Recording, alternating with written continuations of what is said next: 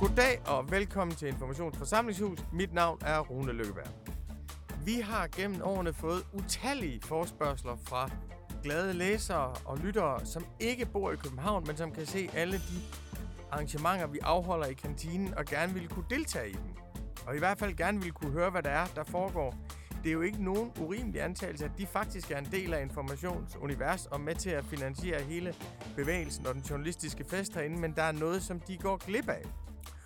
Og det har vi jo synes var en rimelig kritik og et godt opmærksomhedspunkt, som vi, øh, som vi kalder det. At vi, hvordan kan vi på en eller anden måde få det, der foregår i vores forsamlingshus nede i kantinen, og som kan være samtaler med verdensstjerner og samtaler med ledende danske politikere, og ikke mindst vidunderlige konversationer og udvekslinger med førende systemkritikere, aktivister, eksperter, forskere og alt muligt andet. Hvordan kan vi få det ud til et bredere publikum? Så alle dem, der er en del af information, også kan lytte til alt, hvad der foregår herinde. Og der må jeg sige, at den her kanal er løsningen. Informationsforsamlingshus. I den her kanal vil vi for fremtiden offentliggøre de møder, vi har haft nede i vores forsamlingshus, så alle kan lytte til dem. Det betyder også, at lyden er lidt anderledes, end den plejer at være her fra vores top professionelle lydstudie. Det er nemlig det, vi kalder for den autentiske lyd af forsamlingshuset. Der vil være skrammel, der vil være mumlen, der vil være en lille smule støj, og der vil også være det, vi kalder for real lyde ude fra gaden. Det kan man vælge at synes er irriterende. Man kan også bare sige, det er præmisserne for at sidde med i et forsamlingshus, når man nu ikke selv kan være der. Premieren på Informationsforsamlingshus bliver en serie, som vi har set meget frem til, og som vi har meget store forventninger til. Den handler nemlig om, hvad venstrefløjen skal gøre, efter de er blevet forladt af Mette Frederiksen, og nu står tilbage alene på perronen. Den serie åbnede med en leder af vores indlandsredaktør, Anton Geist, som sagde, at det endda kunne være, at opgøret med Mette Frederiksen og Socialdemokratiet kunne blive et befrielsens øjeblik for venstrefløjen. Hvad mente du egentlig med det, Anton? Jamen, jeg tænkte, at øh, nu var venstrefløjen jo på en eller anden måde frigjort fra Socialdemokratiet. Altså, Socialdemokratiet gav jo venstrefløjen en kold skulder, og det var selvfølgelig på mange måder hårdt for dem. Øh, men på den anden side kunne man jo også anskue det som et befrielsens øjeblik og tænke, at øh, nu kunne venstrefløjen slå sig lidt løs og komme med nogle lidt vilde idéer og sige nogle ting, som ikke nødvendigvis passer ind i det socialdemokratiske projekt.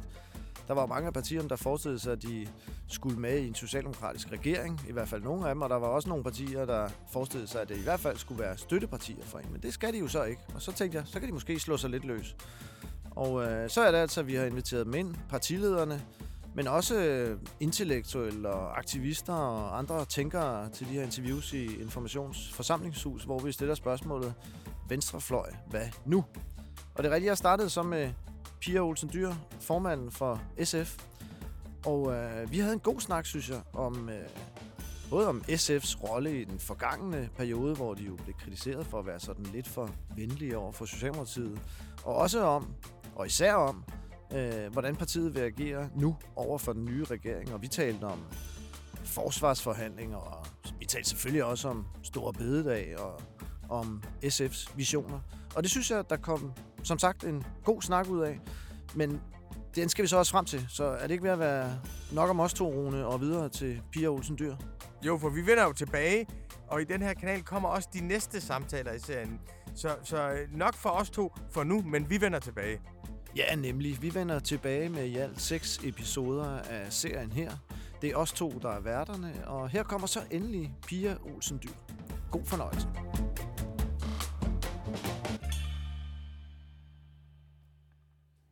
Jamen altså, skal vi ikke bare gå i gang simpelthen? Godt.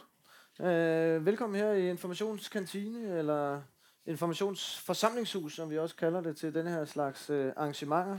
Jeg hedder Anton Geist, øh, og Dagens gæst er ingen ringere end Pia Olsen Dyr, formand for SF, øh, Folketingets jo nu øh, næststørste parti mål på tilslutning i de aktuelle meningsmålinger. Øh, ja, ja, ja, ja, ja. Det skal man tage helt stille og roligt. Ja, det, det lærte øh, en af dine forgængere jo på en hård måde, kan man sige. Men velkommen, øh, velkommen til dig, Pia. Tak fordi du vil komme, og tak fordi I alle sammen vil komme på sådan en øh, sen tirsdag eftermiddag i februar.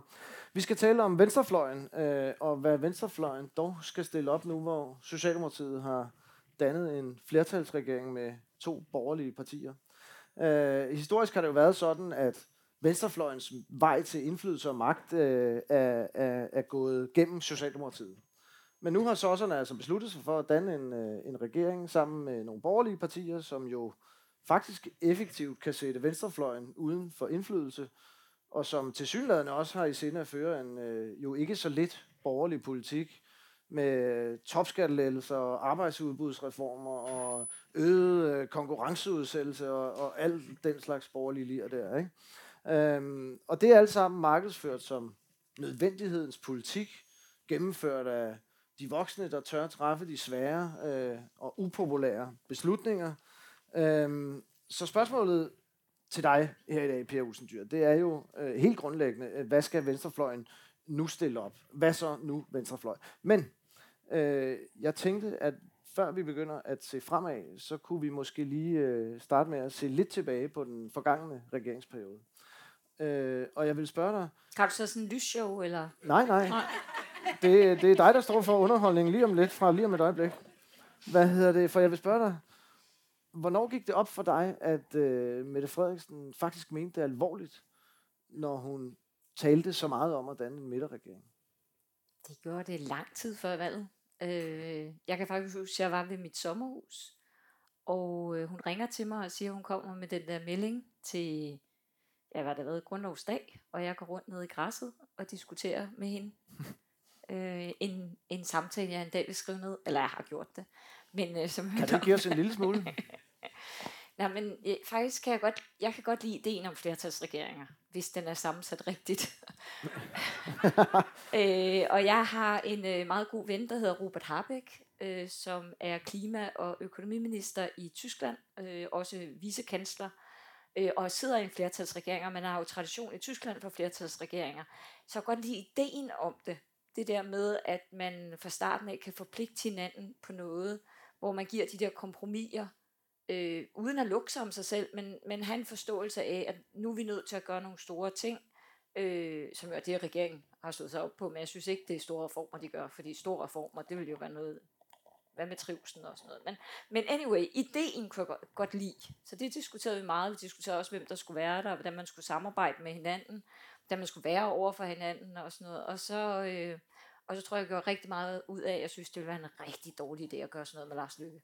Altså. Ja, ja så, så ideen om en flertalsregering kunne du godt lide, men det skulle være en flertalsregering med venstrefløjen. Og Jamen, jeg foreslog jo selv, at man skulle gøre det for enhedslisten, til og med det radikale venstre. Man kan jo diskutere om radikale venstre og venstrefløj, men altså, jeg synes i hvert fald, at øh, vi har nogle øh, traditioner for samarbejde, mere eller mindre godt, men, men ofte, så kan vi alligevel godt finde hinanden. Øh, og, øh, og jeg synes da også, det radikale venstre, som jeg jo godt ved, mange har været sure på på grund af Sofie Karsten Nielsen, men jeg har faktisk oplevet det samarbejde, jeg har haft med Sofie Karsten Nielsen, både tillidsfuldt og ordentligt, øh, og så har hun jo været radikal, men, men, men hvor man godt kunne lave aftaler med hinanden. Altså også ting, hvor jeg skulle give noget til hende, men hun også gav noget den anden vej.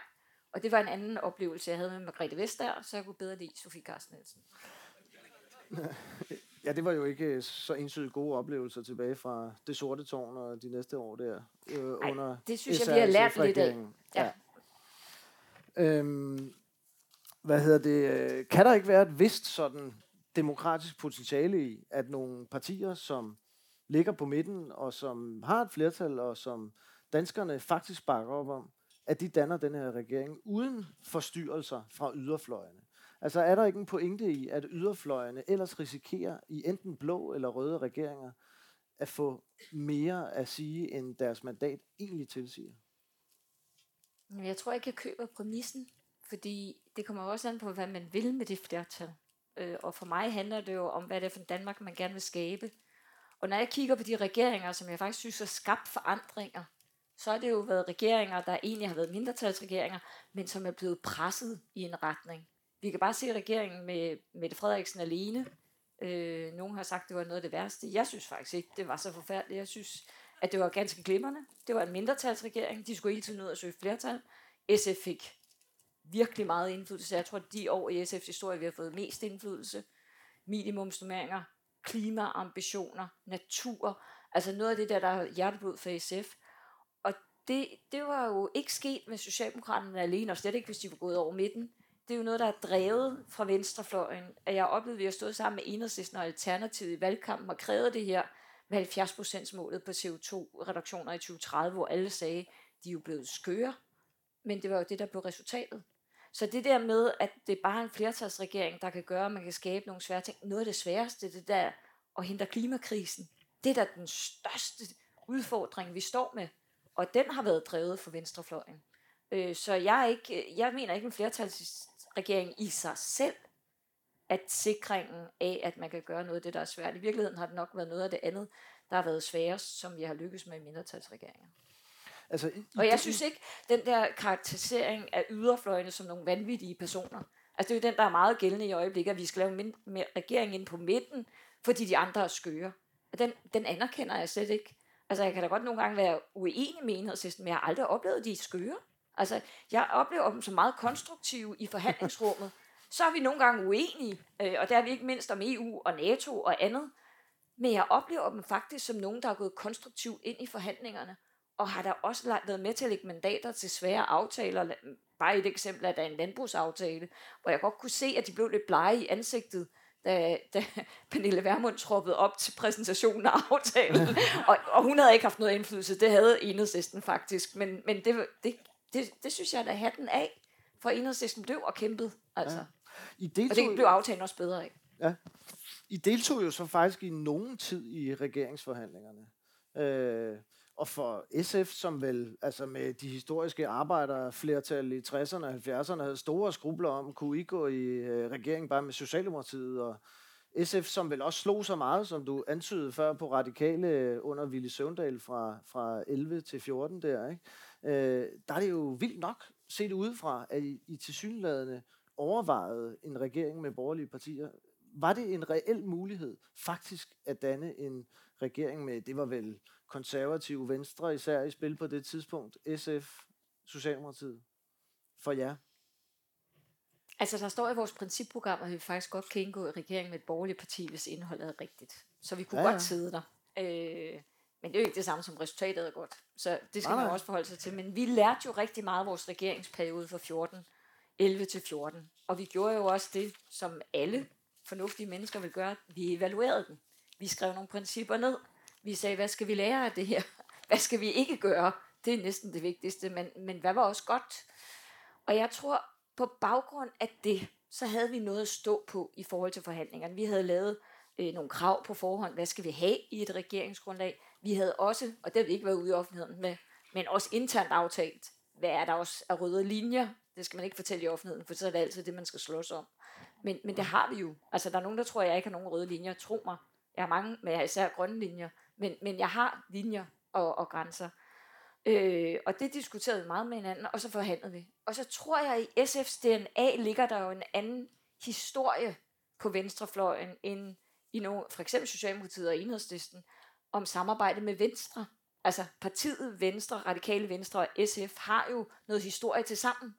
Øh, vi har noget grundvidiansk til fælles, vi har noget mm. omkring friskoler, vi har noget om det decentrale demokrati, som går mange, mange år tilbage, helt tilbage til, øh, hvad vi diskuterede sådan øh, SF sjæl i 80'erne, det bevægelsernes sjæl og sådan noget. Så jeg kunne godt se, at vi kunne lave noget med Venstre. Vi har faktisk også de der decentrale bydelsforsøg i København, var jo nogen SF gennemført med Venstre og radikale Venstre. Så jeg var ikke så bekymret for Venstre, jeg var meget mere bekymret for Lars Lykke. Altså fordi jeg mener, at Lars Lykke er en farlig mand i dansk politik. Øh, også fordi han har ment så meget. Altså det er jo, det er jo fattigt så meget, manden har ment. Mens jeg jo godt kunne se Venstre, hvis de var højskole Venstre, kunne jeg jo godt se noget ideologisk gods, vi kunne have til fælles. Og noget af det, vi diskuterede i forhandlingslokalet, der kunne jeg godt genkende, at SF kunne få mere igennem med Venstre over for Socialdemokraterne, end vi ville have kunne få sammen med enhedslisten og radikale over for Socialdemokratiet. Altså nogle af de tanker omkring, hvordan den offentlige sektor skal udvikle sig, mm-hmm. øh, frisættelsen, nu er det så blevet til en besparelse, men, men nogle af de der tanker har vi til fælles. Det synes jeg var interessant. Men der, hvor vi jo ikke er enige, Venstre og SF, og hvor, hvor jeg vil sige, vi havde nogle meget voldsomme konflikter, øh, det tror jeg ikke er nogen hemmelighed, det kan jeg godt sige, øh, det var omkring landbruget. Altså, jeg, øh, når jeg diskuterer med øh, Truslund Poulsen, så oplevede jeg ofte, at det var øh, traktor-Troels, der var der, mere end det var Venstre-Troels. Og, og vi havde nogle meget øh, lange og øh, det var bilaterale drøftelser omkring blandt andet rent drikkevand, omkring klima, omkring natur, hvor vi står meget forskellige steder. Ja, det var klima og, vel, og måske også arbejdsudbudsreformsporet der. Jamen, jeg, jeg synes egentlig, altså på arbejdsudbud, øh, jeg har jo ikke noget imod at snakke strukturel beskæftigelse. Jeg vil bare gerne diskutere noget af det, der virker. Altså, jeg tror ikke på HOSA-økonomi. Jeg tror jo, en af problemerne med store bededag, der er jeg meget enig med overvismanden, hvis man afskaffer store bededag, så tror jeg ikke, der går mange år, før folk får det tilbage i deres overenskomster. Måske ikke Store bededag, men en ekstra fridag. Mm, mm. Så jeg tror ikke, det får, for lang tids øh, økonomisk effekt, og det synes jeg næsten er det største problem med at afskaffe en fridag, øh, ved at, at, at, at, at der er andre problemer. Stor bededag kommer vi til lige om Ja, ja, men, ja, ja, ja. men, men jeg synes ikke, jeg, synes ikke, jeg oplevede i starten i hvert fald med diskussion med Venstre, det var det, der var det største problem. Nej. Det synes jeg faktisk ikke. Det var klima og landbrug og natur. Det andet kom senere, men det var ikke øh, det, jeg oplevede, at de stod stejleste. Jeg synes egentlig, de stod mere stejl på nogle skattelettelser, jeg synes var uretfærdige og forkerte. Mm. Øh, Sali Axel Larsen, ja, grundlæggeren af parti, han havde jo det, han kaldte sådan katalysatorteorien, som gik på, at, øh, at SF's rolle skulle være at være sådan en katalysator for øh, at trække Socialdemokratiet mod venstre. Ikke? Og han gjorde måske lidt SF til en slags funktion af Socialdemokratiet, kan man sige. Ikke? Og I har jo fået noget røg for i denne her valgperiode, øh, vel især fra den øvrige venstrefløj, for at være for følgeagtige over for Socialdemokratiet. Altså for at gå med på for meget. I er blevet kaldt Socialdemokratiet light og alt sådan noget. Øh, nu i lyset af, at I vel, man kan vel godt sige, at I gjorde jer lidt til og håbede på at komme i regering. Det er jo rimelig nok. Selvfølgelig har I søgt indflydelse. I lyset af, at I så faktisk bare øh, til gengæld for den loyalitet fik en, øh, en jo ret kold skulder og øh, Mette Frederiksen dannede en flertalsregering med de borgerlige. Tænker du så, at de var lidt for, lidt for venlige over for Socialdemokratiet i den forgangne valgperiode? Nej, fordi vi var ikke venlige for at være venlige, og vi var heller ikke venlige, fordi vi sådan ville fitte os ind i en regering efterfølgende. Fordi det, altså, hvis man kender Socialdemokraterne, så fungerer de ikke sådan. Det er magt, altså ren magt. Men vi gjorde det jo for, at vi gerne ville have politiske resultater vi forhandlede jo med Socialdemokraterne seriøst, og hvis man kigger på den regeringsperiode, som de havde, altså vi indførte minimumsnummeringer i Danmark, 1,8 milliarder blev brugt på penge, penge på børn. Altså det største beløb SF nogensinde tidligere for afsat til børn har været en halv milliard. Det her var 1,8 milliarder, vi fik igennem i den første finanslov. Det er et ret stort beløb, og vi har fået en lov om minimumsnummeringer, som de ikke kan rulle tilbage. Vi fik 70 målet på CO2. Vi fik sat næsten en milliard af til ny natur i Danmark og biodiversitet. Og vi får øh, et biodiversitetsråd, fik vi igennem. Vi har sørget for gratis psykologhjælp til unge under 21, gratis tandpleje til unge. Øh, vi har sørget for yderligere hjælp øh, til værdig ældrepleje. Faste teams i ældreplejen er begyndt at blive indfaset. Øh, børn ud af sjælsmark. Altså det var jo derfor, vi var tæt på Socialdemokraterne. Det var jo fordi, vi kunne få politik igennem det var jo ikke bare for at være venlig ved nogen. Så det, det var jo grunden til, at vi samarbejdede så tæt og fik så mange resultater. Og det der med, jeg, jeg har hørt mange sige det, jeg har også fået at vide, at jeg er Socialdemokratiets bedste politiske ordfører nogensinde. øh, og det er jo en stor ære, fordi jeg har jo haft mange dygtige politiske ordfører. men, øh, men, øh, men, men det er jo ikke, det er jo bare drilleri. Altså det er jo noget, venstrefløjen driller os med, men det er også noget højrefløjen har haft travlt med. Altså man skal jo huske, at som politisk parti, det, at nogen driller en, det er jo nogle gange også, fordi man betyder noget. At man spiller en rolle, at man gør en forskel. Så bliver de andre opmærksom på, at de skal banke en. Og det, det tager jeg da kun at, at rejse pande. Jeg er ikke specielt bange på at blive kaldt noget forskelligt. Det var en meget imponerende liste, du lige af der. Jeg, havde, ja, jeg, ja, ja, det kunne jeg, jeg ville have spurgt dig, om du synes, I uh, satte kraftigt nok aftryk uh, på beslutningerne i den regeringsperiode, men det, det er jo det, listen der øh, demonstrerer. Øh, jeg har lavet en anden liste, fordi nu skal vi til at tale om øh, den, øh, den nye regering her, ikke? og hvad I skal stille op på venstrefløjen. Øh, og vi kan jo konstatere, at den fører en øh, temmelig borgerlig politik. Øh, jeg nævnte et par punkter før, men en, en liste, jeg selv lige har skrevet sådan hurtigt, den inkluderer lettelser af skatten for de højstlønnede og for virksomhedsarvinger, konkurrenceudsættelser og fritvalgsordninger, arbejdsudbudsreformer, og herunder jo også forringelser af seniorpensionen, altså pensionsmulighederne for de nedslidte, endnu flere penge, endnu hurtigere til forsvaret, færre penge til universitetsuddannelserne, udvidet brug af privathospitaler, landbrugsvenlig klimapolitik, og så jo ikke mindst øh, fjernelsen af øh, store bededag, som jo også er et led i denne her forøgelse af arbejdsudbud, som du altså forholder dig skeptisk til. Og jeg synes, øh, alle taler jo om store bededag, og alle er optaget af store bededag, så vi skal også tale om store bededag, synes jeg. Lidt i, Har du videre med? Nej, det burde jeg have haft. Det var der vist til demonstrationen den anden dag. Ja, nu er der jo lidt uh, ja. usikkerhed om, hvor mange de deltagere... De bedste, de er ristet og sådan varm, altså en smør, der smelter. Ja, men det beklager jeg på ja. uh, forsamlingshusets vegne. Det skulle vi have sørget for. Uh, du sagde på et tidspunkt, uh, at du havde faktisk ikke deltaget i det råbekor, der hylede op om magtfuldkommenhed uh, i kritikken af Mette Frederiksen op til valget. For det, det var der jo rigtig, rigtig meget af, ikke?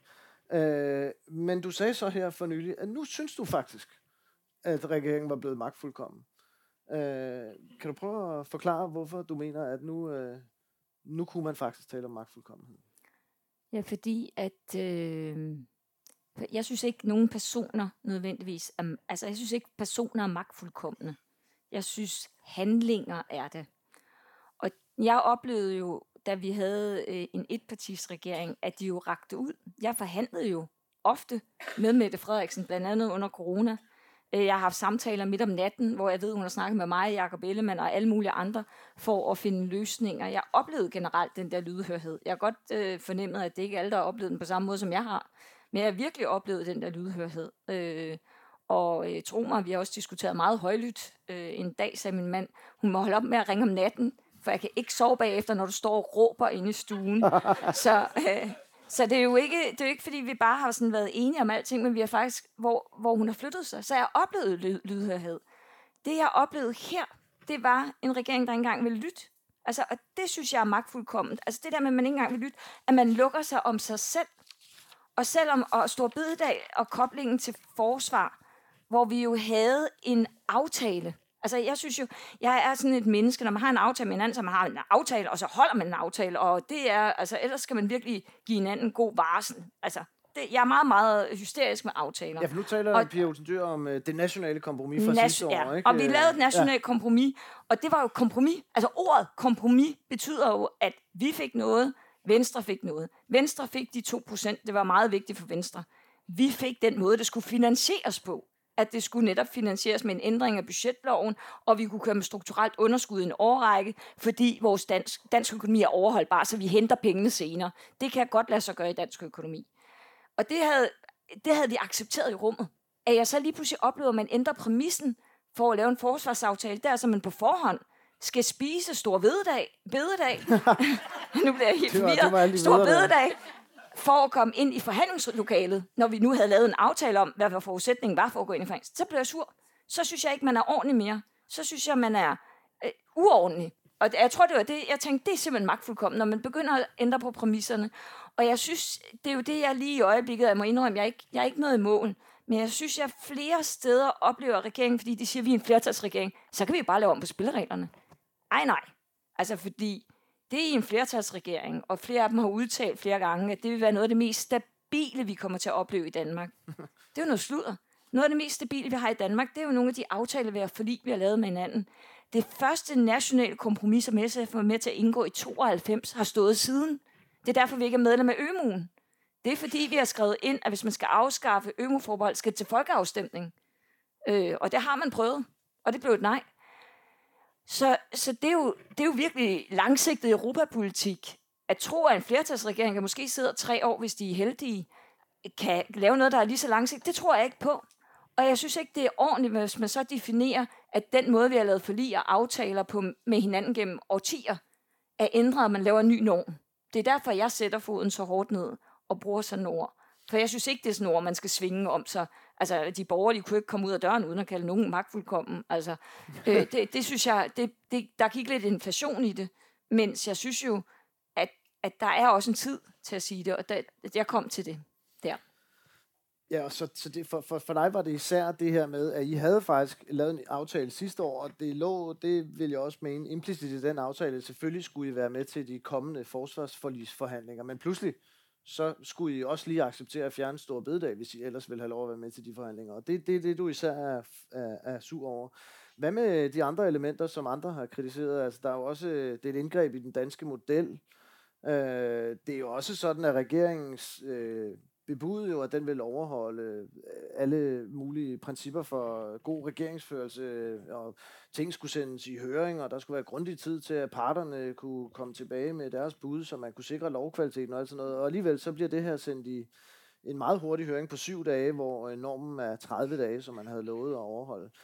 Hvad med de elementer i det? Er det, det er måske mindre problematisk, synes du i virkeligheden? Nej, Nej, for jeg har selv været med til at skrive afsnit i regeringsgrundlaget om god regeringsførelse. Har du det? Ja. Nå, det var da ja, der er også andre historie. ting i det regeringsgrundlag, som SF har været med til at skrive. Der er også ting, vi skrev, som ikke er der mere interessant nok. Men, og, og forståeligt nok. Men, men, men om god regeringsførelse var vi meget optaget af. Det var et af vores øh, krav til en kommende regering, at man skulle lave regeringsførelse på en ny måde. At man skulle, faktisk skulle inddrage noget af det, jeg tror faktisk, det er Christian Madsen, der for nylig har lavet en ret god artikel i A4, hvor han skriver om den danske model. Og der er nogen, der tror, at den danske model bare handler om arbejdsmarkedet. Det gør den jo ikke. Den handler generelt om det danske samfund, den måde, vi gør ting på. Vi kan godt lide at lave konsensus. Vi kan godt lide, hvis vi kan være rygende uenige, men alligevel finde en vej sammen. Det er den danske model. Og så involverer vi alle mulige og så bøjer alle sig, og der er ingen andre i resten af verden, der kan forstå, hvordan vi gør det i Danmark. Altså min tyske kollega siger hele tiden til mig, hvordan kan I blive enige om det der? Fordi det kan vi ikke i Tyskland. Der, det, det går slet ikke, så bliver vi uvenner. Det er derfor, de men, skal have flertalsregeringer, ikke? Ja, jamen, det er jo det, der er så mærkeligt. Ja, det er derfor, de skal have flertalsregeringer ja. i Tyskland, men ja. i Danmark kan vi det. Vi er vant til at bøje os mod hinanden, vi lytter til hinanden. Det har været vigtigt for mig, at vi på en eller anden måde fik genetableret det. Øh, jeg synes, der er brug for mere åbenhed. Jeg mener, der er brug for mere involvering. Og det, at interessenterne kommer ind i processen, når man laver lovgivning, det bliver den altså bedre af. Og det kan godt være, at de kommer, de er jo interessenter med hver deres interesse, men ofte vil de jo være med til at finde et kompromis. Noget af det, jeg selv øh, er politisk vokset op med, det var uh, Vilhelm-udvalget. Det er jo mange år tilbage. Det var i nullerne. Det var på naturområdet, hvor vi blev nedsat i arbejde i Danmarks Naturfredningsforening, hvor vi skulle sidde og forhandle med landbruget og alle mulige andre. I har møller inde. Uh, Øh, I har biodiversiteten trives i. Ja, ja. Præcis. Selvfølgelig. Men det i hvert fald, ja, ja. men der skulle vi så forhandle det her på landbrugsområdet. Alle interessenter sad i lokalet, og det var virkelig ikke... Altså, vi var rygende uenige, men vi endte med at blive enige. Altså, Øh, vi, vi skulle blive enige, vi blev sat i et lokale, og så fandt man en vej. Jeg synes det også, det har været fantastisk at se Danmarks Naturfredningsforening sammen med fiskerne gå ud og snakke. Vi har en plan for havet i Danmark. Men det har da krævet, de begge to har bøjet sig. Så hvorfor skulle vi ikke kunne gøre det samme på Christiansborg? Involvere interessenterne. Det er en af de ting, der er gået galt med Stor Bededag. Det er, hvorfor har man har haft så travlt? Altså, hvad, hvad der har været travlt? Altså, øh, øh, var det sådan noget, der brændte et eller andet sted, og man skulle slukke en ild med Stor Bededag? Nej, det har det jo ikke været. Øh, øh, de skal også, øh, det bliver først afskaffet i 24. Måske har man haft tid til en ordentlig lovgiv- høringsproces. Det manglede. To, så kunne man jo have valgt to ting yderligere, som jeg mener er meget kritisabelt. Det ene det er, at man ikke har involveret folkekirken. Og vi har jo en stærk tradition, det ved jeg ikke, øh, i det her venstreorienterede lag, om man er så interesseret i folkekirken, som jeg er, men jeg er meget optaget af folkekirken. Og folkekirken står i sin egen radio øh, i Danmark, selvom vi har en stats, altså stat og kirke ikke er adskilt, så har det jo alligevel været sådan en forståelse af, at kirken egentlig bestemte i kirken. Øh, og derfor kunne de få lov til stadigvæk at være en tilknytning mellem stat og kirke. Øh, den eneste gang, vi rigtig har blandet os, det var faktisk tilbage, dengang vi lavede, registreret, altså lavede homoseksuelles hvilser i kirken. Der var kirken også, det hvad skal I blande jer af på Christiansborg? Men der var en accept og et flertal i folkekirken, der sagde, gør det bare alligevel. Så der var alligevel sådan en involvering. Det var der slet ikke her. At afskaffe en helligdag, øh, som er en del af alderbogen, det er alligevel en ret radikal ting. Så jeg vil sige, at kirken er ikke specielt begejstret. Det er den ene del. Dem kunne man godt have involveret. Måske havde de accepteret en løsning. Måske var de kommet op med anden dag, eller anden påskedag, eller noget andet. Øh, Stor bededag betyder faktisk en del i forhold til alderbogen og traditioner. Det er så kirken. Så er der arbejdsmarkedsparter. Altså, jeg har endnu ikke mødt en i fagbevægelsen, der synes, det er en god idé. Og det interessante er, at de har sagt til mig, vi har egentlig ikke noget mod ej, det ved jeg ikke engang, mere, jeg må sige. Men, men de siger, at det er ikke stor bededag som sådan, de har noget imod at miste, men det er måden, man gør det på. Mm. Hvis vi havde fået at vide, at vi skal finde noget arbejdsudbud, x antal personer, og fået det som bunden opgave, og fået at vide, at hvis vi ikke gør det, så afskaffer vi stor bededag. Må ikke, vi havde fundet en løsning? Må ikke, vi havde sammen med arbejdsgiverne og fundet ud af, hvad det er, der skal til? For at finde noget mere strukturelt beskæftigelse. Et af elementerne, Mona Strib har været ude at foreslå, nogle af dem, der er tvunget på deltid i dag, som faktisk gerne vil op på fuld tid, vil skabe et arbejdsudbud på 11.500. Tænk, hvis vi startede der, det var mere en stor bededag. Altså, det giver kun 8,5. Så der er lige 3.000 oveni ekstra gevinst til regeringen. Så, så det er bare for at sige, der ændrer man nogle grundlæggende ting. Og en ting er, at man så har afskaffet, men man også vil bestemme, hvordan lønudviklingen så skal være i den offentlige sektor i det lovforslag, man har lagt frem. Det gør dem altså også en lille smule sure. Øh, og så er der ikke mindst det der, der er jo mange følgeeffekter af det. Lærerne skal arbejde, men det, eleverne skal ikke i skole og sådan noget. Altså, der, der er, er nu meget tegner, spændende. Nu, det er jo lidt af en skandale, du tegner op der. Ikke? Men det er en Øh, skandale. Ja, og, øh, og så er der jo det her spørgsmål, øh, skal det føre til en folkeafstemning?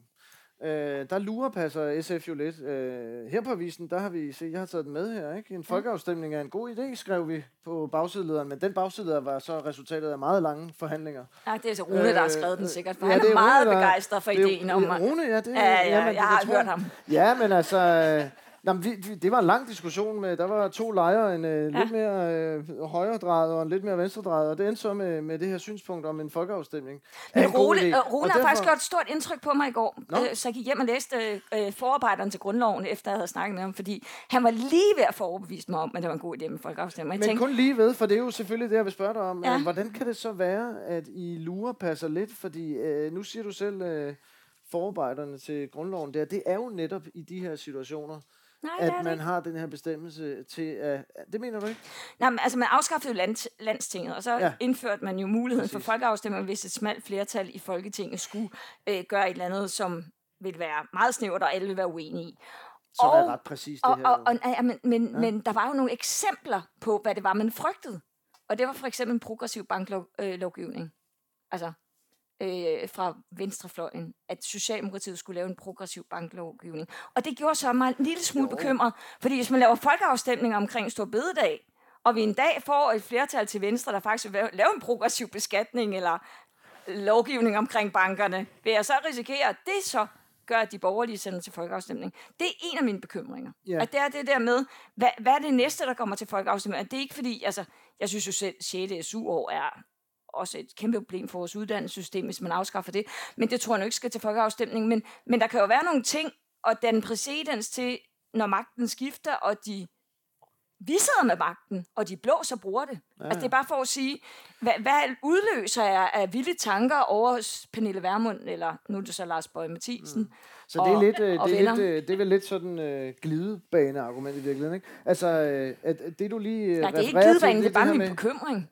Ja, ja altså ja. Man havde i Folketinget, eller man havde i parlamentet jo to kammer, ikke? Og så fjerner man det ene, og det har jo været sådan en kontrolmekanisme for det andet, altså sådan at det en Men det var adelen, der kontrollerede, at Ja, men det var dog alligevel, ikke? tanken var, at det ene kammer skulle kontrollere det andet. Ja. Så fjernede man det ene kammer, og så sagde man, men til gengæld, så kan vi altså få sendt ting, så kan en tredjedel af Folketingets medlemmer sende ting til folkeafstemning, hvis de mener, mm. at en øh, magtfuldkommen regering øh, udnytter sit flertal til at trumle hen over resten af Folketinget.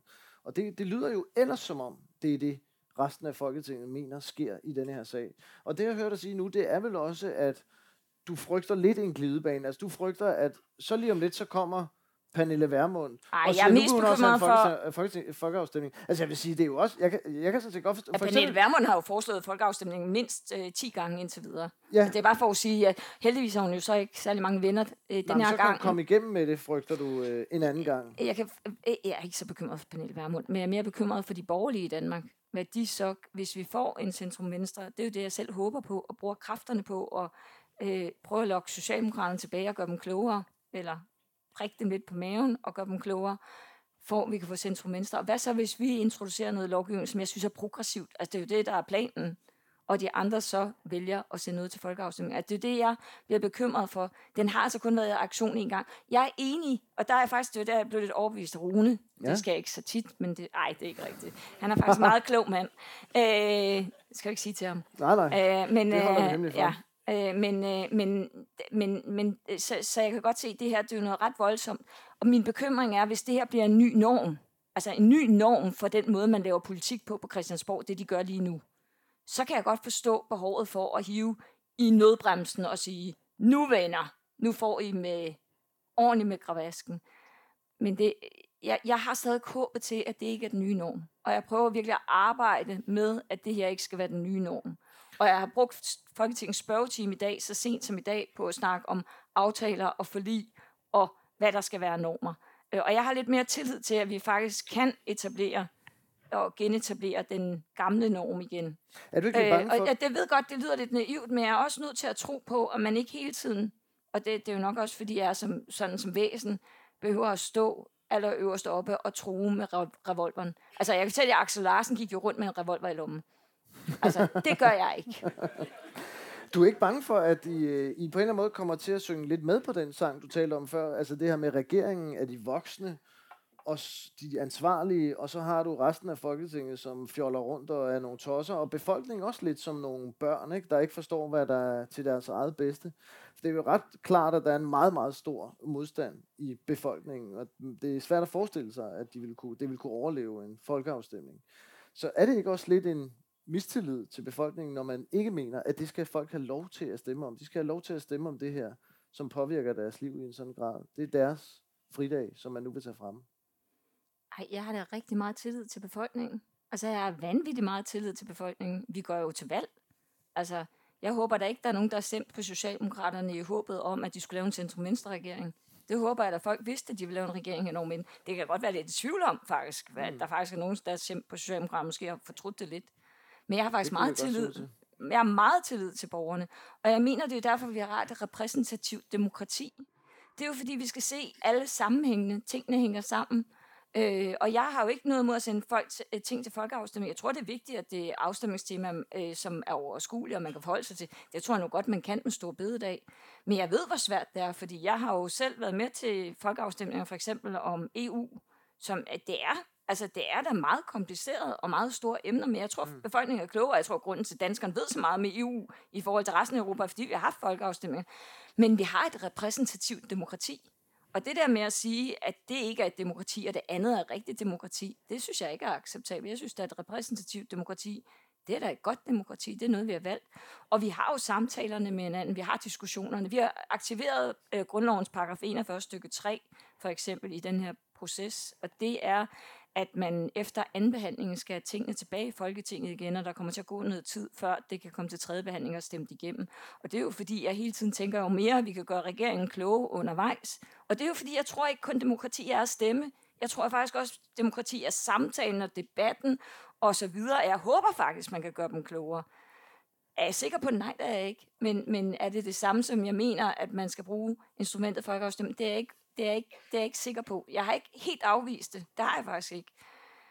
Men jeg er meget forbeholden over for det, fordi at jeg faktisk også mener, at vi som politikere har en rolle i det repræsentative demokrati, og det er regeringen, der tager fejl. Det er ikke befolkningen, det er heller ikke oppositionen. Er vi dumme børn? Har jeg accepteret den præmis? Nej, overhovedet ikke. Jeg synes at vi er ret begavet i den opposition. Vi har samlet opposition hen over midten. Det er sgu da ikke så dårligt.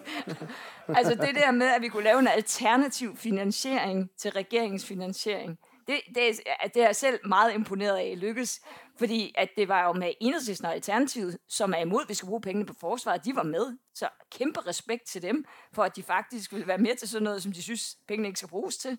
Og på den anden side, at for eksempel Liberal Alliance eller, eller Nye Borgerlige gik med på, at vi skulle spare penge i erhvervsstøtten. Det gjorde de så også. Altså, det, det var da virkelig kompromisets kunst på den smukkeste måde, og det synes jeg er en del af demokratiet. Det er ikke bare at stemme nu begynder du selv at tale om forsvar, og det synes jeg også, vi skal, skal tale videre om. Øh, for der er jo den her kobling selvfølgelig mellem Store Bededag og, og forsvaret, altså at øh, i hvert fald var regeringens officielle forklaring, at øh, man skulle bruge de penge, man kan få ved at fjerne Store Bededag som helligdag, til at finansiere en fremrykning af forsvarsudgifterne, som I øh, løftede, som I aftalte med det nationale kompromis sidste år.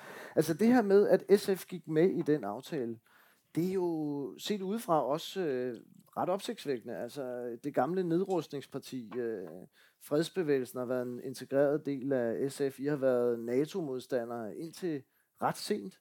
Og, øh, og nu gik I så med i det her nationale kompromis, som jo indebærer en markant oprustning af det danske forsvar til de 2% af BNP, som du talte om før. Var det ikke en, en vanskelig sag for SF? Var det ikke en svær beslutning at træffe i SF? Både ja og nej. Fordi jeg synes ikke, det var en svær beslutning at træffe i den situation, vi var i i Europa. at der var en krig på europæisk kontinent. Øh, Rusland havde overfaldet Ukraine. Øh, den eneste måde, vi på en eller anden måde kunne komme med et modsvar, det ville også være, at vi kunne hjælpe både militært i Europa i forhold til Ukraine Øh, skam for russerne, men også at vi begynder at kigge lidt nærmere på de ting, der faktisk truer os. Det er jo ikke kun russerne, det er også kineserne. Det handler om vores cybersikkerhed, hvor vi er ganske følsomme. Vi er verdens mest digitale land, tror jeg, eller i hvert fald i toppen. Det var fantastisk under corona. Man kunne få de der invitationer bare via e-boks i Tyskland. Der telefaxede man dem ud til lægerne, og så måtte de sidde og ringe patienterne op og bede dem om at blive vaccineret. Det tog lidt længere tid, og de arbejdede ikke i weekenderne. Så, øh, så vi blev hurtigt vaccineret i Danmark. Det er bare for at sige, det er jo en, det er en del af vores digitale samfund. Det er vi nødt til at beskytte det forudsætter, at vi investerer meget massivt i cybersikkerhed. Jeg er faktisk blevet ret rystet, måske fordi at jeg ikke vidste så meget om det før, men hvor sårbart det danske samfund er. Der skal ikke særlig meget til for at lægge vores sundhedsvæsen ned, vores øh, elvæs, øh, elnet, vores øh, vandforsyning og alt muligt andet. Alt er digitaliseret. Så det er bare for at sige, at det er ikke kun noget med, at vi ikke kan snakke i telefon med hinanden, når man oplever de der hackerangreb. De kan simpelthen være ret massive og vi er sårbare. Altså, vi ligger ikke nummer et i beskyttelse, vi ligger ned, langt ned ad listen. Mm. Der skal vi investere massivt. Vi er også nødt til at gøre det i forhold til Arktis. Vi har grænse til Rusland, og vi har sådan set også i Østersøen behov for det. Noget af dansk styrker og noget af det dansk forsvar kan det jo noget i søværnet. Altså vi har øh, gode og dygtige frigatter, øh, og vi er sådan set anerkendt i den indsats, vi gør. Så det er jo noget af det, hvor jeg tænker, at vi især skal investere. Så skal vi investere i at uddanne folk bedre i forsvaret jeg har lagt mærke til, at der er sådan en diskussion rigtig meget hos de borgerlige, om vi skal endnu flere, der skal have værnepligt, og kvinderne skal jo så, ja, ja, fred være med det. Men det interessante var jo måske mere, at dem, der faktisk er i forsvaret, fik lyst til at blive i forsvaret. Det er jo kun en fjerdedel af dem, der faktisk øh, kommer i forsvaret, altså via værnepligten, og de melder sig jo frivilligt, for vi har ikke det der med nummer. Det kan være, at nogle af jer har oplevet det her herrene herinde, men der har man ikke mere i Danmark, fordi at der er nok, der melder sig frivilligt. Men de søger væk igen fordi at de ikke kan finde noget at uddanne sig til i forsvaret. Det er jo også noget, vi skal investere i, så de får lyst til, mens de i forsvar bliver uddannet til et eller andet, vi kan bruge i erhvervslivet senere hen. Så der er mange ting, som giver god mening. Så skal vi fylde lagerne op. Altså, vi mangler rigtig meget. Vi, vi forærer jo alting væk lige nu. Jeg er bange for, når jeg er her, så når jeg kommer hjem, så er de foræret mere væk, når man lige holder øje med dem. Og så, altså, det, det er jo noget af det, vi er nødt til at investere i. Men jeg gør det da ikke ublu, og jeg gør det da også med en vis eftertanke, fordi et, at, at jeg er jo også optaget af, at vi skal på den anden side, og vi, vi skal til at nedruste igen på et eller andet tidspunkt. Men i en situation, hvor der er krig i, på det europæiske kontinent, så er vi ikke der, og der er brug for, at Europa står sammen. Også fordi amerikanerne så tydeligt har sagt, og det har ikke kun været under Trump, det var også, det er også under Biden, at man har sagt, vi kigger hjemad, vi bruger kræfterne, at der er ved at ske en renationalisering i verden, og det gælder også militært, men så er Europa nødt til i større grad at tage en del af ansvaret. Det gælder også Danmark. Så på den måde, så synes jeg, der, der er meget, der giver god mening. Min eneste bekymring, det virker som om forsvaret tror, penge er noget, man brænder af, eller jeg ved ikke, hvad det er. Fordi at der er jo et, altså, de har jo lidt lemfældig omgang med penge, øh, og der er behov for noget økonomisk styring der. Ja, for det er jo øh, også rigtig mange penge. Og, ja, ja, og også flere ja, penge ja. end til bare cyberforsvar og fylde lagerne op. Ikke? Det er jo en markant oprustning, man vil kunne lave for de her Ja, altså jeg er faktisk blevet overrasket over, hvad tingene koster. Øh, også fordi jeg hele tiden har hørt Rasmus Jarlov sige, at han gerne vil have en ubåd. Øh, ja, den er vist dyr. Ja, den er rigtig dyr, øh, men, men, men derudover, vi har ikke noget mandskab at putte på den, og det tager, jeg tror det er 20 år, før man har uddannet en kaptajn, der kan sejle i den. Så jeg tænker, før vi køber en ubåd, så kan det godt være, at vi skulle have nogen, der kunne være i den. Helt sikkert. Og, men nu er det så, nu skal der jo så øh, forhandles om det her forlig, ja. og øh, I har jo øh, gjort rigtig meget ud af, at I vil altså med til de forhandlinger. Det var det, vi talte om lige før. Men regeringen har jo også gjort meget klart, at de vil så fremrykke yderligere de her investeringer til 2030. Øh, og det vil sige, altså I skal bruge penge, flere penge endnu hurtigere, kan man sige. Mm. Kan du se for dig, at det er noget, SF vil gå med til? Ja, for det bliver bedre ved at være der. Altså helt seriøst. Øh, og det kan jeg jo mærke. Fra at de andre slet ikke snakker cybersikkerhed, så er det faktisk noget, det man taler allermest om, og som nogen er, virkelig er blevet opmærksom på. Øh, og, og, og vi er nødt til at investere. Altså det er helt vildt og sove. Altså, undskyld, nu skal jeg gentage mig, som er faktisk lidt rystet over det. Så er der mange andre ting, som øh, vi får brug for. Vi får brug for energi, i, energirenovere i forsvaret. Og det, det, jeg ved godt, der er nogen, der begynder at grine, hver gang jeg siger det. Men, men øh, forsvaret er vanvittigt nedslidt. Deres bygninger er nedslidt. Deres materiel er nedslidt. Der er masser at investere i. Så jo, det kan jeg godt. Er det, jeg synes det var en god idé at fremrykke det fra 33 til 30. Nej, det synes jeg måske ikke var en god idé, men det var mere på grund af økonomien. Altså, øh, og men, men det, det, det kan det du godt fordi, være med til. Ja, ja hvis vi kan... Ja det, ja, ja, det kan jeg godt leve med. Jeg synes ikke, det er så vigtigt, fordi jeg synes jo mere, det er interessant, hvad det er, man kan med pengene. Og jeg er i tvivl om, man måske kan nå at bruge pengene. Altså, fordi det, jeg hører øh, mine tyske venner sige, de har en fond på 750 milliarder euro lige nu, de kan ikke rigtig bruge deres penge, øh, og de er alligevel tyske producenter, så det kunne godt være, at de stod før i køen end Danmark. Men det gode ved det er jo, hvad er det så, man højst sandsynligt vil bruge pengene på, først og fremmest i forsvaret? Det vil være uddannelse, cybersikkerhed, energirenoveringer, for det kan vi jo selv. Og det er jo et okay sted at starte med mine øjne. Ja, der har lange udsigter til Rasmus Jarlov får sin ubåd der. Men han får, han får den ikke. der sætter, det er en af dine røde, øh, røde. Nej, dem siger jeg ikke til dig. Okay. okay. Men han, jeg tror ikke, han får den. Det giver ikke oh, mening. Ja. Faktisk er der jo ja, nu Det er lidt ligesom jeg sagde, hvis jeg sagde her, det kunne jeg ikke finde på at sige, men hvis jeg nu sagde, at jeg gerne vil have en måneraket, ikke? Mm. Altså, ja. det er cirka på niveau. Nu begynder vi alle sammen at tænke, vil du have en måneraket? Ja. Hvad hedder det? Øh, der er jo endda forlydende om nu, at øh, 2% af BNP måske ikke er nok. Regeringen har lidt sagt noget om det. Der er lige kommet en ny rapport, som også handler om, at vi skal måske op og give endnu mere, hvis vi vil imødekomme NATO-kravene. Og fra NATO er der også toner, og fra USA er der også toner om, at man gerne vil have 2% som et absolut minimum, og at landene helst skal endnu længere op. Er det også noget, SF vil kunne gå med til? For der må vel være en grænse på et eller andet tidspunkt. For selvfølgelig, jeg kan godt se, der er en logik i at sige, at vi vil gerne være med, for det kan, så kan vi gøre det bedre, end mm. hvis vi ikke deltager. Men der er også en grænse. Men på et tidspunkt må man vel også sige, der kan vi ikke være med længere. Jo, altså, jeg, er sådan set, jeg synes jo generelt, det vil være klogt at holde dem lidt i ørerne, så de ikke går alt for meget mok øh, i forhold til, hvor mange penge vi bruger på det her. Øh, men, men jeg vil også sige, at vi er i en sikkerhedspolitisk situation, hvor man godt kan have brug for at sætte flere penge af i en årrække. Men jeg, altså det, jeg oplever, den diskussion, jeg har haft med mine internationale kollegaer, fordi for eksempel Grækenland er jo langt over de 2%, men deres forsvar er jo slet ikke lige så effektivt som det danske øh, forsvar. Så procentsats er jo også noget, man kan diskutere meget. Øh, danske soldater øh, vil man gerne være på mission med, når man er udsendt. Man vil nødig være på mission nødvendigvis med alle landes soldater, fordi de slet ikke er lige så godt uddannet som danske soldater. Så jeg, jeg tror egentlig, det, at Danmark lever op til de 2%, vil også gøre, at de andre lande vil sige, okay, Danmark er faktisk kommet ret langt. Øh, det, det er et Lars Lykke-argument, et han brugte tidligere, da vi ikke engang var op på de 2%. Det er jo stadig validt, øh, det argument. Men jeg vil sige, jeg, jeg vil ikke øh, sidde her og afvise noget som helst. Jeg synes stadig, det er rigtig svært. Jeg synes, øh, det er meget alvorligt, den situation, verden er i. Og, øh, og jeg vil gerne have, at vi kan være med til at forsvare dansk territorialt forsvar, men jeg vil også gerne have, at vi er med i Europa, og aktivt i Europa øh, kan hjælpe hinanden i forhold til de trusler, vi øh, står overfor, og de er reelle. De er, og det kan vi jo se i Ukraine. Tiden den iler, virkelig. Gør den det? Øh, ja, det gør den altså. Øh, hvad hedder det? Jeg kunne også godt tænke mig, at vi lige øh, rundede det, som jo også er beslægtet med Store Bededag, nemlig øh, øh, regeringens planer om at udvide arbejdsudbuddet. Det er Stor Bededag jo øh, en del af. Øh, man vil lave øh, arbejdsudbudsreformer i virkeligheden af den lidt gammeldags slags. Ikke? Øh, når man sænker topskatten, så regner man med, at lidt flere kommer i arbejde. Mm. Når man forringer seniorpensionen, regner man også med, at det udvider arbejdsudbuddet. Simpelthen fordi nogle mennesker, der ellers ville kunne trække sig tilbage, så ikke vil kunne trække sig tilbage. Hvad skal Måske skulle de gøre et eller andet med ham der trykdirektøren, der valgte at gå på pension som, som 51, 51 år. Ja, ja. Ja, han havde ikke rigtig, han havde vist ikke brug for seniorpension, tror jeg. Nej, og jeg tror ikke. Arne pension. Han kunne ikke få Arne pension. Nej, men, øh, øh, det, men, det, det, men, men, men, hvad skal, hvad skal venstrefløjen... Ja, grunden til at øh, nævne, det er jo fordi, ja. dem, der har penge, dem, har, dem, der har råd, vil jo i stigende grad i fremtiden vælge at gå tidligere på pension, fordi noget af det, vi danskere allerhelst vil, det er mere tid til alt muligt andet. Øh, og, og derfor er regeringens logik egentlig lidt forkert. Øh, jeg synes jo, det er interessant at se nogle af de store danske og udlandske virksomheder, som gerne vil tiltrække spændende arbejdskraft, dygtig arbejdskraft. De vælger jo at kigge på, kan vi lave nogle nye modeller? Kan vi sige fire dages arbejdsuge? De kommer til at arbejde lige så meget i princippet, men de gør det på fire dage i stedet for.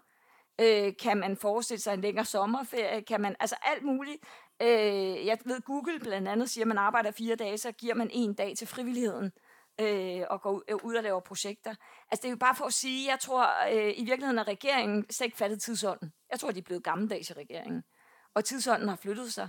Og i virkeligheden på, at de lærer lidt af det private øh, erhvervslivet, at hvis man virkelig gerne vil have øh, den der produktivitet, for det er jo i virkeligheden det, vi gerne vil have, så er det måske nogle andre greb, man skal begynde at gribe i. Det må det Jeg tog den her med faktisk, der hænger på væggen her på avisen. Ikke? Socialisme er at have det godt. Ikke? Øh, hvad hedder det? Det er lidt det, du taler om nu, ikke? Altså, øh, det er Men er det, er det ikke livet? Det, det skulle man da tro var, var målet, måske ikke? Men, øh, så, altså, så, livet så, hvad skulle helst være lystbetonet. Så, så hvad er Venstrefløjens uh, svar på denne her reformpolitik, som jo uh, kommer til at blive meget definerende for den her regering, ser det ud til? Jamen, jeg tror, jeg tror, vi er nødt til at diskutere strukturel beskæftigelse. Det tror jeg, vi er nødt til at sørge for, at der er nogle mennesker, for eksempel i vores sundhedssektor, i vores ældresektor, i, i, hos vores børn. Altså, der skal jo bruges øh, flere mennesker til at varetage de opgaver. Også fordi noget, nogle af de der opgaver med at være sammen med andre mennesker, kræver faktisk noget overskud. Jeg tror, at vi er begyndt lidt at se det som sådan et øh, regneark, at folk skal, der skal være så så mange timer osv. Men, men øh, min næstformand, som hedder øh, Lise Møller, arbejder nogle gange som sygeplejerske i ældreplejen. Og øh, altså, alt efter, hvad hun oplever i løbet af dagen, er hun jo kørt ned, eller altså, har fået energi, altså, fordi det er mennesker, man arbejder med. Man kan jo ikke sætte dem på en formel. Øh, og, og det tror jeg, vi lidt skal huske på, når vi snakker om de der sektorer. Det vil sige, at vi skal finde ud af, hvordan vi får flere mennesker ansat i de her sektorer det, det er jo ikke noget, vi kan gøre med hokus pokus, men vi kunne jo gå ind med nogle af de greb, vi kender, som virker. Vi ved jo ikke, om stor bededag virker, men vi ved, hvis man lader nogle af dem, der er på deltid i dag, komme op på fuld tid. Det gælder både i forhold til forområdet, altså socioassistenter og sociohjælpere, der gerne vil. Det gælder i forhold til pædagoger, som også er på tvungen deltid, for det passer bedre i skemaet. Det gælder sådan set også i forhold til sygeplejersker, øh, som også er på deltid, fordi det passer bedre ind i planlægningen på hospitalerne, at man har flere deltidsmedarbejdere. Så der er jo faktisk noget, man kan løfte der. Man kan også gøre rigtig meget med arbejdsmiljø, og jeg ved godt, det ikke passer i Finansministeriets modeller. Men tænk, hvis man ikke blev så syg af sit arbejde. Øh, jeg tror, det, vi kan jo se forbedringen nu med maskiner og andet, at man ikke bliver så nedslidt. Men tænk, hvis vi gjorde endnu mere, meget mere systematisk i forhold til arbejdsmiljøet, så tror jeg også, vi vil opleve, at der vil være mindre sygefravær, det vil øge beskæftigelsen. Og et eksempel, og det er sådan, altså du vil sikkert sige, at jeg er sådan en venstreorienteret hippie, og det er sikkert, men i Norge indførte en borgerlig regering det, og de er jo ikke socialister, sådan nogle borgerlige nogen. De indførte det, at hvis du var gravid, så har du krav på to besøg på din arbejdsplads af en jordmor. Du skal ikke selv tage til jordmoren, de kommer ud og kigger på din arbejdsplads. Du skal også selvfølgelig til normale check-ups, men i forhold til din arbejdsplads kommer de ud og ser, Hvordan kan du arbejde på dit arbejde? Er, er bordet stillet godt nok? Øh, er de rutiner, du er? Er det farligt, det du arbejder med? Og så videre. Med de der to checks, så fandt de ud af i Norge, at de faktisk sparede 3 milliarder i forhold til øh, sygefravær. 3 milliarder norske kroner. De er lidt mindre værd end danske, men anyway. Så, så bare det, at folk faktisk fandt ud af, at jeg behøver ikke være sygemeldt tre måneder, jeg er måske, jeg kan arbejde helt til den sidste måned. Det er da fantastisk. Og så foreslog vi, at vi skulle ikke prøve at gøre det i Danmark øh, i den forgangne periode. Så svarer Finansministeriet også, vi har ikke noget empiri. Og jeg spørger så, kan vi bruge det for Norge? Altså, fordi Norge er jo ikke helt så forskelligt fra Danmark. Nej, men det kan man ikke. Øh, da, Norge og Danmark kan ikke sammenlignes i forhold til empiri. Øh, nå. Men kan vi så lave et forsøg i Danmark? Altså med én kommune, og så kunne vi jo se, hvad empirien er for det, om, om det også skaber mindre sygefravær. Og det har vi så gået i gang med at forhandle med Sundhedsministeriet om, hvordan man skal lave sådan et forsøg, og det har så taget tre år at forhandle, hvordan det der forsøg skal være. Og jeg er meget spændt på, om det forsøg nu bliver sat på pause, fordi vi har fået en ny regering. Men det er jo faktisk et eksempel, hvor man kunne have fået noget empiri, så man kunne ændre på de regnemaskiner, man har i Finansministeriet. Så jeg er ikke noget mod at gøre noget for strukturel beskæftigelse. Jeg synes bare, man skal gøre det kloge greb. Men det skal ikke være de klassiske arbejdsudbudsreformer. Men de virker jo ikke. Nej, nu ved jeg ikke, hvad man tjener på information, men altså, øh, de fleste mennesker, der betaler topskat, øh, de er jo sådan, at hvis de får lettet deres topskat, så arbejder de ikke nødvendigvis mere. Så arbejder de mindre, fordi de faktisk finder ud af, hey, jeg kan, jeg kan tjene ja, den samme løn for altid, det, det, det er jo en stor diskussion blandt øh, økonomer. Nej, jeg tror, det, det er en stor diskussion på information. Nej, ja, ja. Ja, det er det. Ja, ja, ja, det, det jeg tror, vi vil være tilbøjelige at arbejde mindre, er jeg bange for. Ja. Hvad hedder det? Øh, øh, men, jeg synes også, tryk, tryksdirektør er et eksempel på det. Ja, ja, det må man jo sige hvad hedder det? Øh, nu taler du lidt om jeres øh, forhandlinger om, med regeringen og så videre. Altså noget, som vi i hvert fald lige skal nå omkring, det er sådan helt overordnet. Hvordan skal balancen ligge for jer mellem at være konstruktiv opposition og kritisk opposition? Øh, du skrev en, øh, et opslag på Facebook om det her for den 17. januar, øh, hvor du skrev, jeg kan se omkring mig, at mange næsten har glædet sig til at kunne være rigtig opposition. En slags default indstilling, hvor man skal skælde ud på alt, og helst gøre det i store bogstaver. Og det er altså ikke lige mig, ikke min façon.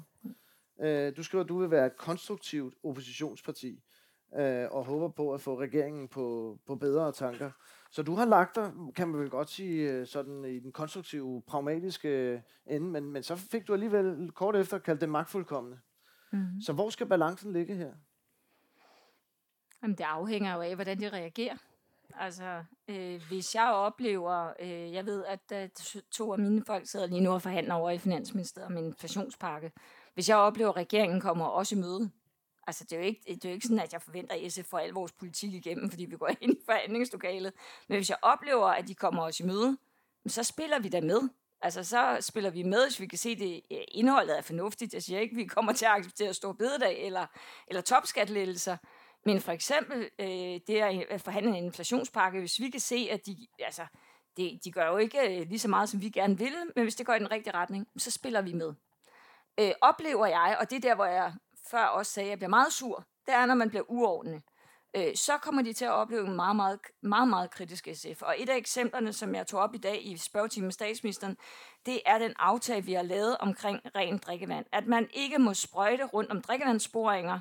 Og det er faktisk besluttet, da Jacob Ellemann da Jakob Ellemann var miljøminister, altså det er vel at mærke nogle år siden, der laver vi en aftale om, at landbruget får frit lejde, synes jeg det hedder, men de siger så frivillige aftaler, frem til udgangen af 22. Hvis de ikke når i mål inden da, så kommer der et forbud, man ikke må sprøjte. Jeg tror, det er 10 meter øh, fra en drikkevandsboring. Nu er vi så ude af 22, så nu skulle forbuddet træde i kraft. Det er den aftale, vi har lavet med hinanden, og det er partier, der vel og mærke stadigvæk har flertal fra, e, øh, fra SF til og med konservativ og venstre.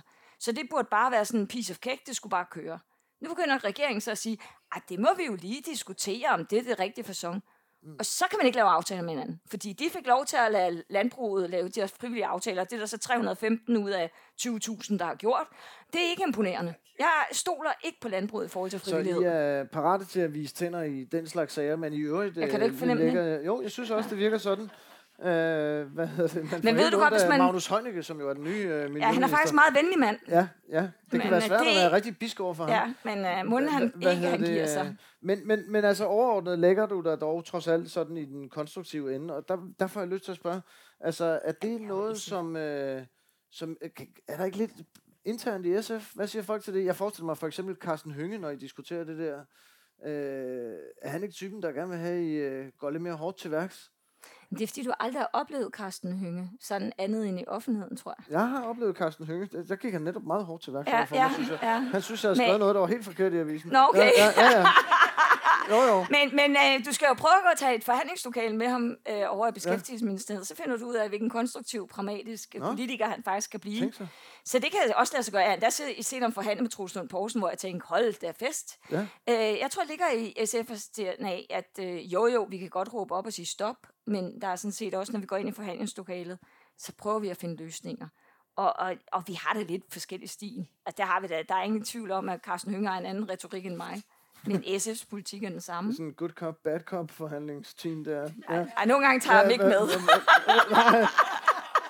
øh, altså, så, så her til allersidst, ikke? Øh, hvad hedder det, øh, med et lån fra Lars Lykke, som jo har skrevet om befrielsens øjeblik, ikke? Ja. Så har jeg jo tænkt på, altså det her med ikke længere at være bundet til Socialdemokratiet, ikke længere at skulle tillæmpe alting til det socialdemokratiske projekt, er det, kan der ikke være en vis befrielse i det? Altså, kunne, kan I ikke få lyst til på venstrefløjen at slå jer lidt løs? Og nu, har, nu har I jo været meget fornuftige i, i SF, og, og Ekstrabladet kaldte jeg vist Danmarks kedeligste parti. Hvad hedder det? Får man ikke lyst til at slå sig lidt løs og komme med nogle lidt vilde visioner? Er det, ikke en, er det ikke en glimrende mulighed for det nu, hvor der alligevel er en flertalsregering, som I... Øh, Jamen, jeg synes jo, jeg synes jo, det der er muligheden, og det skal man jo altid huske, når man ikke er en del af et parlamentarisk grundlag, det er, at man skal i gang med at udvikle politik. Øh, og det synes jeg, der er en glimrende lejlighed til nu. Jeg synes, der er masser af kriser, der er brug for. Jeg ved godt, at regeringen taler krisebevidstheden op hele tiden lige nu, men øh, jeg genkender ikke alle de kriser, de snakker om. Men jeg kan til gengæld genkende naturkrisen, øh, hele spørgsmålet om vores klima, øh, spørgsmål om sikkerhed, øh, spørgsmål om, hvad vi skal leve af i fremtiden. Altså nogle af de der store dagsordner, det skal vi da i gang med at udvikle politik om i SF, og komme med vores egen bud på. Øh, det tror jeg, det bliver rigtig sjovt, og det er der jo tid til nu. Ja. Øh, ligesom vi skal udvikle vores organisation for masser af nye medlemmer lige nu. De skulle helst føle sig velkomne. Øh, det bestræber vi os også på. Så, øh, så der er masser af ting at, at tage sig løfte, Er der et eller andet, hvor I tænker, der skal vi være lidt visionære på det her? Altså du ved, nu øh, SF har jo kraftigt med tumlet med ejerskabet til produktionsmidlerne, som man siger på marxistisk i øh, årtier, ikke? Og i, i, i enhedslisten, der er Pelle Dragsted har skrevet sin bog om sådan andelsbevægelsen og kooperativer som vejen til en eller anden form for medejerskab og medindflydelse og sådan noget. Altså der bliver tænkt nogle tanker, sådan, hvad, hvad, jeg synes, det er så fedt at læse Pelle Dragsteds bog, fordi den minder lidt om SF's principprogram i 80'erne. Det, øh, ja, det gør det faktisk. Det gør altså, det, faktisk. Det er jo, jamen, det, det, jeg tror, at Lars Meyer sidder dernede. Jeg tror, han skrev det dengang. Øh, så jeg tror, han kan genkende noget af det. Men... Øh, Ja, men der, i virkeligheden også øh, en progressiv socialdemokrater har jo... Det ja, er jo ja, lidt... Ja, ja. Øh, det er sådan en revival of the old. Jeg kunne godt tænke mig sådan, øh, gri, øh, at vi greb det nye. Altså sagde, hvad er det, vi skal leve af i fremtiden? Hvordan skal vi leve? Hvordan vil vi gerne have det gode liv? Og prøve at komme med nogle af de løsninger. Ja. Og jeg, jeg tror også, det, det handler om økonomien. Ja. ja, ja, det gode liv der. Men, men jeg synes jo, noget af det, der er rigtig spændende, det er at diskutere fremtidens erhvervspolitik. Hvad er det for et erhvervsliv, vi skal have? Hvad er det, vi skal leve af? Øh, jeg tror, det der med, at vi øh, som samfund, i lige nu bruger vi for eksempel 42 milliarder og spreder det ud på alle mulige erhverv. Tænk, hvis vi gjorde det på nogle af de målrettede store kriser, der er i verden øh, så vi både kunne, og det synes jeg kunne være det fedeste kinderæg, både kunne løse et globalt problem, det kunne være en øh, vandmangel, det vi går i gang med danske store virksomheder, som kan noget på, på vand og forsyning, øh, at vi kan løse det globale problem, der er med adgang til ren, ren drikkevand, samtidig med, at vi skaber arbejdspladser i Danmark, og vi løser et lokalt problem og gør folk mindre fattige. Altså sådan noget, tænker jeg, sådan nogle løsninger kunne jeg godt tænke mig, at dansk erhvervspolitik bygget på. Fordi så er det ikke bare sådan en vækst for vækstens skyld, men væksten, som også giver mening på global plan. Det synes jeg kunne være interessant at udvikle mere. Mm. Og således kunne vi øh, gå ud på en øh, vision Tusind tak skal du have, Pia Olsen Dyr, fordi du kom og fortalte det i over en time. Og tak fordi I kom og lyttede alle sammen. Ja, og det var altså så interviewet med Pia Olsen Dyr i serien Venstrefløj, hvad nu? Man kan følge serien ved at abonnere på Informations Forsamlingshus, hvor vi løbende præsenterer optagelser fra avisens live-arrangementer. Man kan også overvære arrangementerne live, hvis man går ind på butik.information.dk og bestiller billet. Og det kunne man jo for eksempel passende gøre til næste arrangement, hvor jeg har besøg i forsamlingshuset af Alternativets leder, Franziska Rosenkilde. Vi høres ved.